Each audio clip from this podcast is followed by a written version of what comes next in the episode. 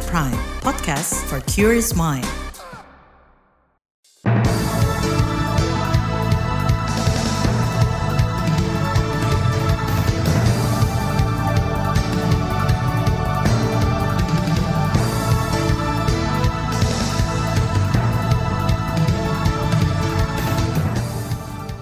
Selamat pagi saudara, senang sekali kami bisa menjumpai Anda melalui program Buletin Pagi edisi Kamis 20 Juli 2023. Saya Naomi Liandra. Sejumlah informasi pilihan telah kami siapkan di antaranya. Efektivitas Satgas Pengawas PPDB diragukan. Jokowi diminta tegur Luhut buntut ucapan OTT KPK Kampungan. Polisi dalami dugaan pidana dalam kecelakaan kereta di Semarang. Inilah Buletin Pagi selengkapnya. Terbaru di Buletin Pagi. Saudara Komisi Pendidikan di DPR mendesak Kementerian Pendidikan membentuk satuan tugas Satgas Pengawasan Penerimaan Peserta Didik Baru PPDB. Pembentukan Satgas itu menjadi salah satu kesimpulan rapat DPR bersama Kemendikbud pekan lalu. Wakil Ketua Komisi Pendidikan DPR, Dede Yusuf, mengatakan Satgas dibutuhkan agar kerja pemerintah pusat lebih efektif menyelesaikan persoalan PPDB. Dede menyebut pembentukan Satgas merupakan solusi jangka pendek mengatasi sangkarut PPDB tahun ini. Kemendikbud itu mencoba untuk menjelaskan bahwa permasalahan itu ada di daerah karena yang punya kewenangan terhadap penerimaan siswa-siswa itu adalah daerah dengan adanya pembagian kewenangan SD SMP adanya di kabupaten SMA di provinsi dan kalau pendidikan tinggi adanya di Kemendikbud. Ketika ini kelihatannya seperti dilempar-lempar ke daerah, maka kami juga menganggap lalu fungsinya pemerintah pusat dalam hal ini apa? Karena sistem dibuat oleh pemerintah pusat. Wakil Ketua Komisi Pendidikan DPR Dede Yusuf menjelaskan, Satgas Pengawas PPDB melibatkan pemerintah daerah dan ombudsman. Satgas itu harus merampungkan kinerjanya pada Oktober mendatang. Untuk jangka panjang, kata dia, DPR berencana membentuk panitia kerja panja PPDB. Saudara sengkarut persoalan PPDB mencuat di beberapa daerah, salah satunya di Jawa Barat. Sekitar 4.700 calon siswa dicoret masuk SMA dan SMK karena menggunakan alamat palsu saat mendaftar. Menurut Gubernur Jawa Barat Ridwan Kamil, kecurangan itu terendus usai kartu keluarga yang digunakan tidak sesuai dengan aslinya dan data terpadu kesejahteraan sosial DTKS. Mereka yang mendaftar dengan cara-cara ilegal, kakak domisili yang siasati sudah kita batalkan. Memang tidak ada drama-drama mungkin yang ekspektasi orang, kita ini terstruktur dari pengaduan dan kita sudah membatalkan okay, 4.791 calon siswa yang mencoba melalui domisili KKU. Gubernur Jawa Barat Ridwan Kamil menegaskan pencoretan calon siswa dilakukan untuk menimbulkan efek jerah. KBR telah mencoba menghubungi Inspektur Jenderal Irjen Kemendikbud Katarina Mulyana Girsang untuk menanyakan evaluasi pelaksanaan PPDB dan kinerja Satgas. Namun Katarina tidak merespon permintaan wawancara dari KBR. Saat rapat bersama DPR pekan lalu, Kemendikbud mendorong koordinasi di daerah diperkuat. Berikut pernyataan Dirjen Pendidikan Anak Usia Dini, Pendidikan Dasar dan Pendidikan Menengah PAUD, Dikdasmen di Kementerian Pendidikan Iwan Syahril pemerintah daerah dapat berkoordinasi dengan Dinas Dukcapil dan Badan Pusat Statistik Daerah untuk dapat menganalisis calon peserta didik baru yang akan lulus dari sisi domisili dan ketersediaan daya tampung, serta melakukan verifikasi validasi keabsahan kartu keluarga. Dengan kata lain, dari beberapa daerah sebelumnya juga mengalami hal yang sama, permasalahan ini merupakan peluang untuk melakukan perbaikan sistem perbaikan sistem integrasi data dari Dukcapil dengan data-data lainnya sehingga sekolah bisa mendapatkan data yang terverifikasi dan tervalidasi. Itu tadi Dirjen PAUD Dikdasmen Iwan Syahril. Sementara itu Menteri Koordinator Pembangunan Manusia dan Kebudayaan PMK Muhajir Effendi mendukung upaya menghidupkan kembali Satgas Pemantauan dan Pengawasan Pusat. Menurut dia Satgas itu akan efektif untuk memantau, mensupervisi, dan melakukan penindakan jika ada masalah. Eh, sehingga berbagai macam masalah itu kalau tidak bisa dipecahkan di tingkat daerah bisa juga ditarik di tingkat pusat sehingga uh, pusat bisa ikut ambil bagian di dalam penanganannya itu. Saya sangat dukung itu. Itu tadi Menko PMK Muhajir Effendi. Di tempat lain, pengamat pendidikan Doni Kusuma menilai pembentukan Satgas Pemantau PPDB tidak akan efektif menyelesaikan masalah. Menurutnya Satgas hanya menjadi solusi jangka pendek yang tidak terlalu berdampak Satgas ini tidak akan efektif karena apa persoalannya bukan ada Satgas atau tidak. Selama ini juga sudah ada banyak laporan-laporan ke kementerian. Tetapi kementerian tidak memiliki tanggapan yang proaktif ketika ada berbagai macam persoalan mulai dari kekeliruan pemerintah daerah menafsirkan proses PPDB berbasis zonasi jadi mereka bikin aturan sendiri yang bertentangan dengan Permendikbud sampai ketidakmampuan Kementerian Pendidikan dan Kebudayaan berkomunikasi dan mendampingi pemerintah daerah Pengamat pendidikan Doni Kusuma mendorong pemerintah segera memperbaiki sistem pendidikan hingga tak ada lagi masalah saat pendaftaran peserta didik baru. Saudara Presiden Jokowi diminta menegur Menko Luhut buntut ucapan OTT KPK Kampungan. Tetaplah di Buletin Pagi KBR. You're listening to KBR Pride, podcast for curious mind. Enjoy!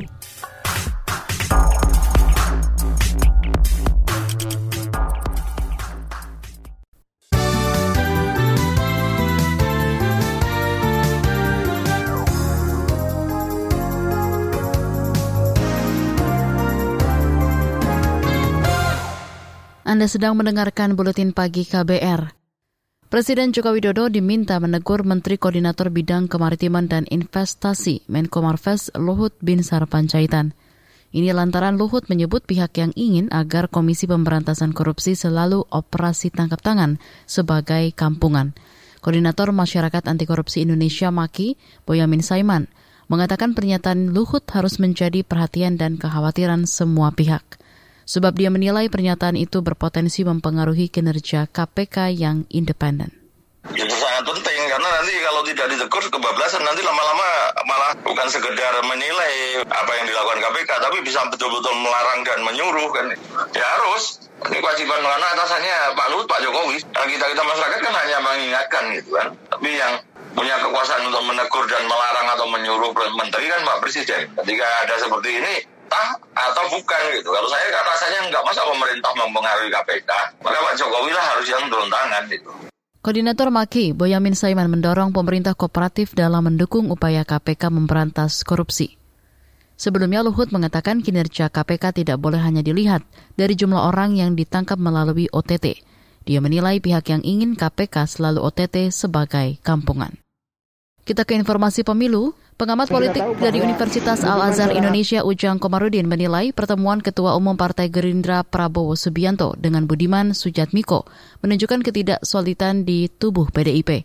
Menurut Ujang, dukungan Budiman akan berpengaruh terhadap posisi Ganjar Pranowo yang diusung sebagai bakal calon presiden oleh PDIP. Kita tahu bahwa Budiman seorang aktivis, seorang kader PDIP dan dekat dengan Jokowi mendukung Prabowo dan ini tentu menjadi kejutan tersendiri uh, bagi Prabowo ya banyak didukung oleh uh, kader-kader PDIP dan ini mensyaratkan ya bahwa kelihatannya arah dukungan uh, Jokowi juga ke Prabowo begitu.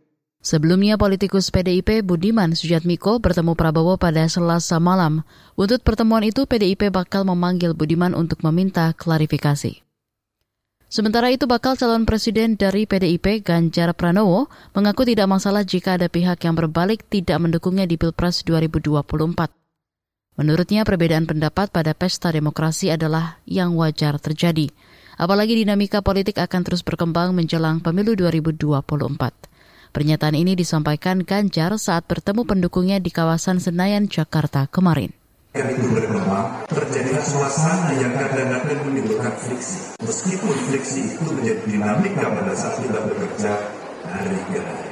Ikhlaskan ketika ada bagian dari kita berpindah ke kamar saudara. Ikhlaskan itu. Tidak perlu ditangisi karena di bawah sudah saya sampaikan, Anda mau hitam atau mau putih.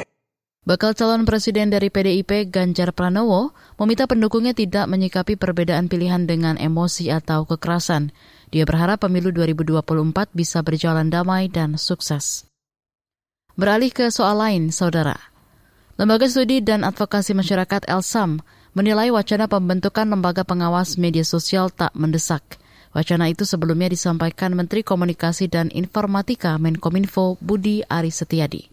Direktur Eksekutif Elsam, Wahyudi Jafar, mengatakan selama ini sudah ada pengawasan dan pembantasan konten internet oleh Kominfo. Seharusnya, kata dia, pemerintah memperbaiki mekanisme tata kelola konten di media sosial eh, ketentuan pasal 40 ayat 2 huruf B Undang-Undang ITE itu terlalu memberikan uh, ruang dan terlalu memberikan wewenang yang besar kepada pemerintah gitu kan karena mestinya uh, pemerintah tidak kemudian uh, secara absolut gitu kan hmm. uh, melakukan tindakan pemantauan uh, terhadap konten berdasarkan pada uh, otoritas dan juga kemudian kepentingan atau kemudian kewenangan mereka. Direktur Eksekutif Elsam, Wahyudi Jafar, mengatakan pembahasan revisi Undang-Undang ITE di DPR seharusnya menjadi momentum memperbaiki aturan tata kelola konten internet. Kita ke informasi ekonomi. Anjloknya skor indeks kinerja logistik LPI yang dikeluarkan Bank Dunia dinilai disebabkan beberapa hal. Salah satunya yakni banyak infrastruktur yang dibangun dengan biaya sangat mahal, tapi perencanaannya kurang matang.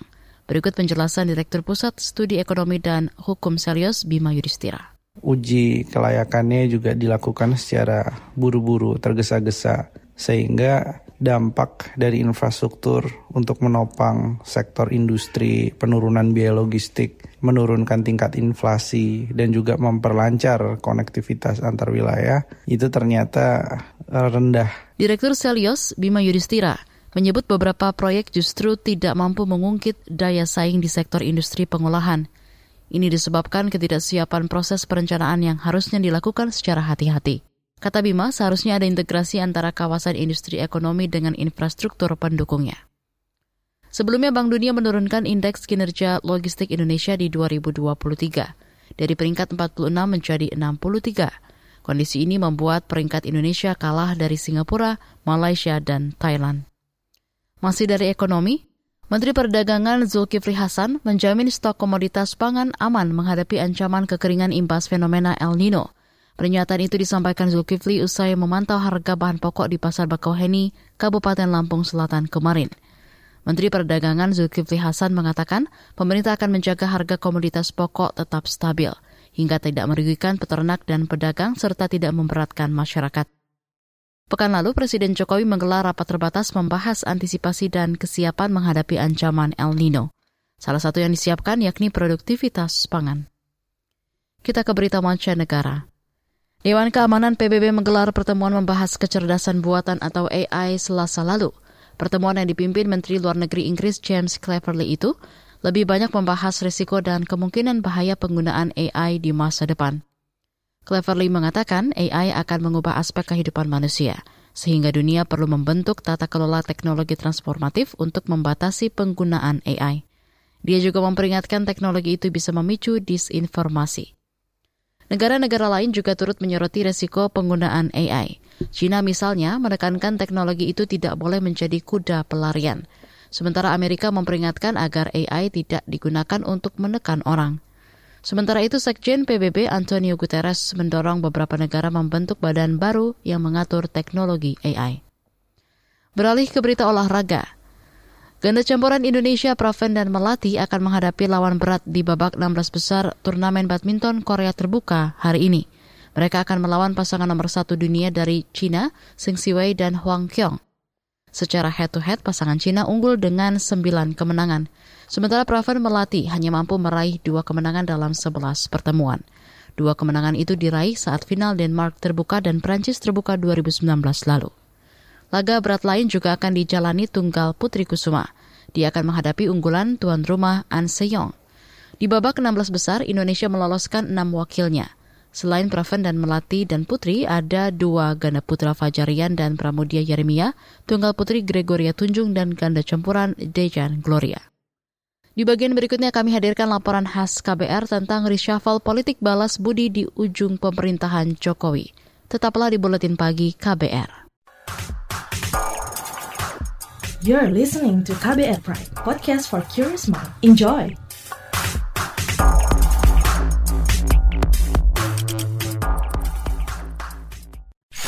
Commercial break. Commercial break. Aduh, hari ini gue bakal capek banget deh. Masuk pagi buta, full sampai sore. Ditambah harus kerja kelompok. Pusing banget. Lama-lama nih ya, kalau kata orang-orang sekarang tuh, mental health gue terganggu. Masih pagi woi, udah ngomel-ngomel aja. Nih, biar lo nggak overthinking apalagi jadi self-diagnose, coba deh lo dengerin podcast Disco. Apa? Ke disco?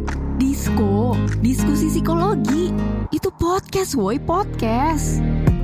Menghadapi kenyataan dunia emang gak mudah. Tapi jangan sampai kesehatan mentalmu terganggu apalagi sampai self-diagnose. Cus dengerin Disco, diskusi psikologi, persembahan Into the Light Indonesia dan KBR.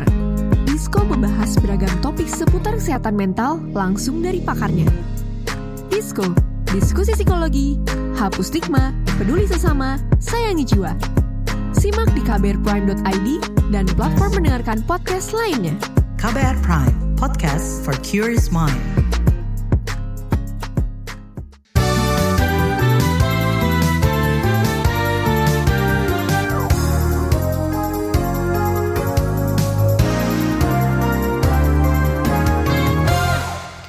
Anda masih bersama kami di Buletin Pagi KBR. Keputusan Presiden Joko Widodo menunjuk relawan Projo, Budi Aris Setiadi sebagai Menteri Komunikasi dan Informatika mendapat kritik tajam. Reshuffle kabinet kali ini dinilai syarat politik balas budi. Selain itu, kompetensi menteri juga dipertanyakan. Selengkapnya dalam laporan khas KBR disusun jurnalis Heru Haitami bahwa saya bahwa saya akan setia kepada akan setia kepada Undang-Undang Dasar Negara Republik Indonesia Undang-Undang Dasar Negara Republik Indonesia tahun 1945 tahun 1945 serta akan menjalankan serta akan menjalankan segala peraturan perundang-undangan segala peraturan dan perundang-undangan dengan seluruh-seluruhnya. dengan seluruh-seluruhnya. Demi dharma bakti saya. Demi dharma bakti saya. Kepada bangsa dan negara. Kepada bangsa dan negara Presiden Joko Widodo belum lama ini melantik sejumlah anggota kabinet baru yang akan bertugas di sisa masa jabatan hingga 2024. Ada beberapa posisi menteri dan wakil menteri yang dilantik Jokowi. Salah satu yang dilantik Jokowi adalah Budi Aris Setiadi yang sebelumnya menjabat wakil menteri desa. Budi ditunjuk sebagai Menteri Komunikasi dan Informatika menggantikan Johnny G. Plate yang terseret kasus korupsi proyek BTS 4G. Jokowi memerintahkan Budi Ari memprioritaskan penyelesaian proyek BTS. Di Kominfo, penyelesaian BTS itu harus diutamakan. Penyelesaian hukum silahkan berjalan, kita hormati proses hukum, tetapi penyelesaian BTS-nya juga harus tetap berjalan. Karena nanti menyangkut pelayanan kepada masyarakat, terutama di daerah-daerah terdepan dan tertinggal. Jangan sampai kita sudah apa itu ada peristiwa hukum, BTS-nya juga terbengkalai. Ini yang saya nggak mau, ini tugas beratnya di situ. Usai dilantik Menteri Kominfo yang baru, Budi Ari Setiadi masih irit bicara soal program kerja unggulan yang akan ia kerjakan. Ia hanya menyebut empat garis besar fokus kerjaan yang sebelumnya juga dilakukan menteri sebelumnya. Yang pertama infrastruktur digital, yang kedua pengendalian terhadap platform-platform yang meresahkan masyarakat dari mulai hoax, radikalisme dan sebagainya. Yang ketiga adalah membangun dan mengembangkan ekosistem digital dari mulai e-commerce, pelindungan data pribadi dan sebagainya.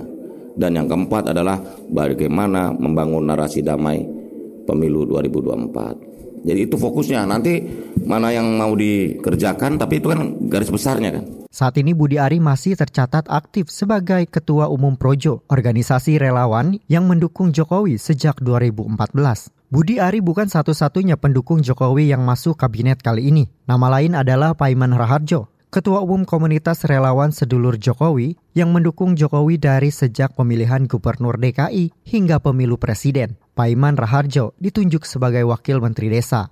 LSM Setara Institut menilai perombakan Kabinet Indonesia Maju kali ini merupakan langkah politik terburuk selama pemerintahan Presiden Joko Widodo. Ketua Dewan Nasional Setara Institut, Hendardi, mengkritik penunjukan sosok Budi Ari yang tidak punya kapasitas atau kompetensi sebagai menteri di bidang komunikasi dan informatika. Lembaga Hikman dan Kebijakan Publik PP Muhammadiyah menyebut penunjukan Budi Ari sebagai Menkominfo syarat politik balas budi. Ketua LHKP PP Muhammadiyah Rido Alhamdi menilai ada tendensi politik balas budi dalam pelantikan Budi Ari.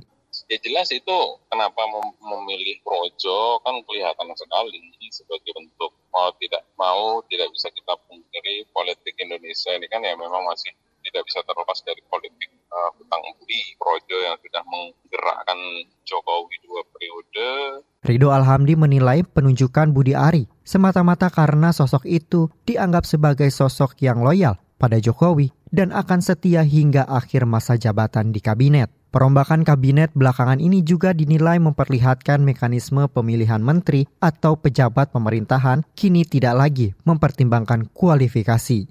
Itu disuarakan analis sosial politik dari Universitas Negeri Jakarta, Ubaidillah Badrun. Sebetulnya kalau posisi Menkominfo itu dipegang oleh profesional yang memiliki kapasitas dan eh, betul-betul menguasai bidang uh, yang terkait menurut saya jauh lebih bagus untuk menghindari satu apa kesan negatif di akhir pemerintahan uh, Jokowi. Jadi saya kira ini makin persepsi publik pada pemerintahan ini semakin makin kurang baik ya karena beberapa persoalan yang uh, apa diwarisi oleh pemerintahan ini justru di penghujung akhir kekuasaannya. Analis politik dari Universitas Negeri Jakarta Ubedillah Badrun berpandangan Penunjukan menteri justru lebih condong didorong politik balas budi. Ia juga melihat pemerintah tidak lagi fokus menyelesaikan agenda-agenda untuk kepentingan rakyat, melainkan sibuk mencari suara untuk pemenangan pemilu nanti. Demikian laporan khas KBR, saya Heru Haitami. Informasi dari berbagai daerah akan hadir usai jeda, tetaplah bersama Buletin Pagi KBR. You're listening to KBR Pride, podcast for curious mind. Enjoy!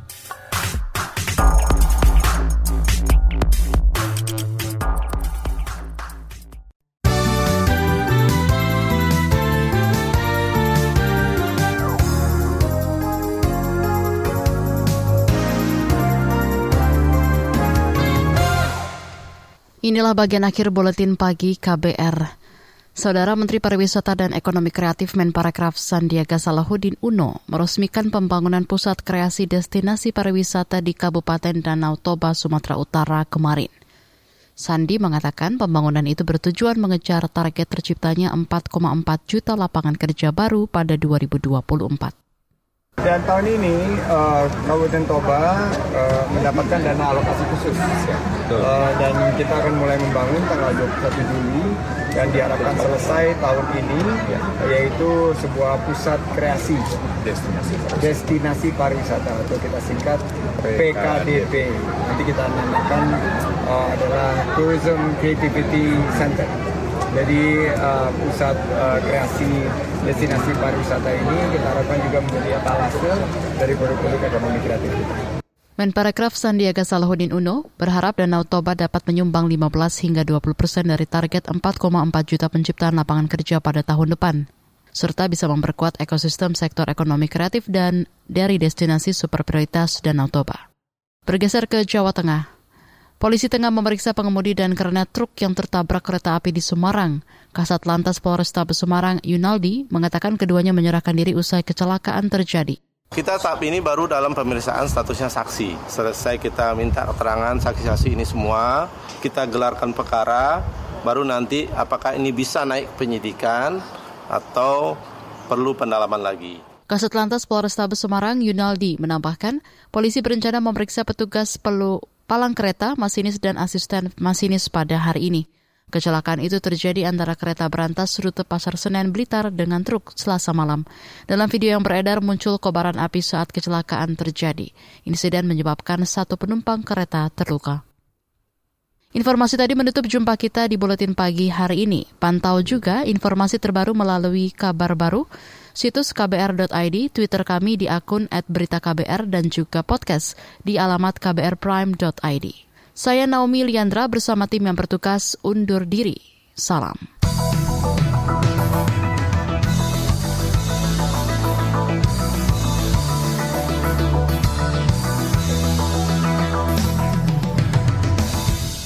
KBR Prime, cara asik mendengar berita. KBR Prime, podcast for curious mind.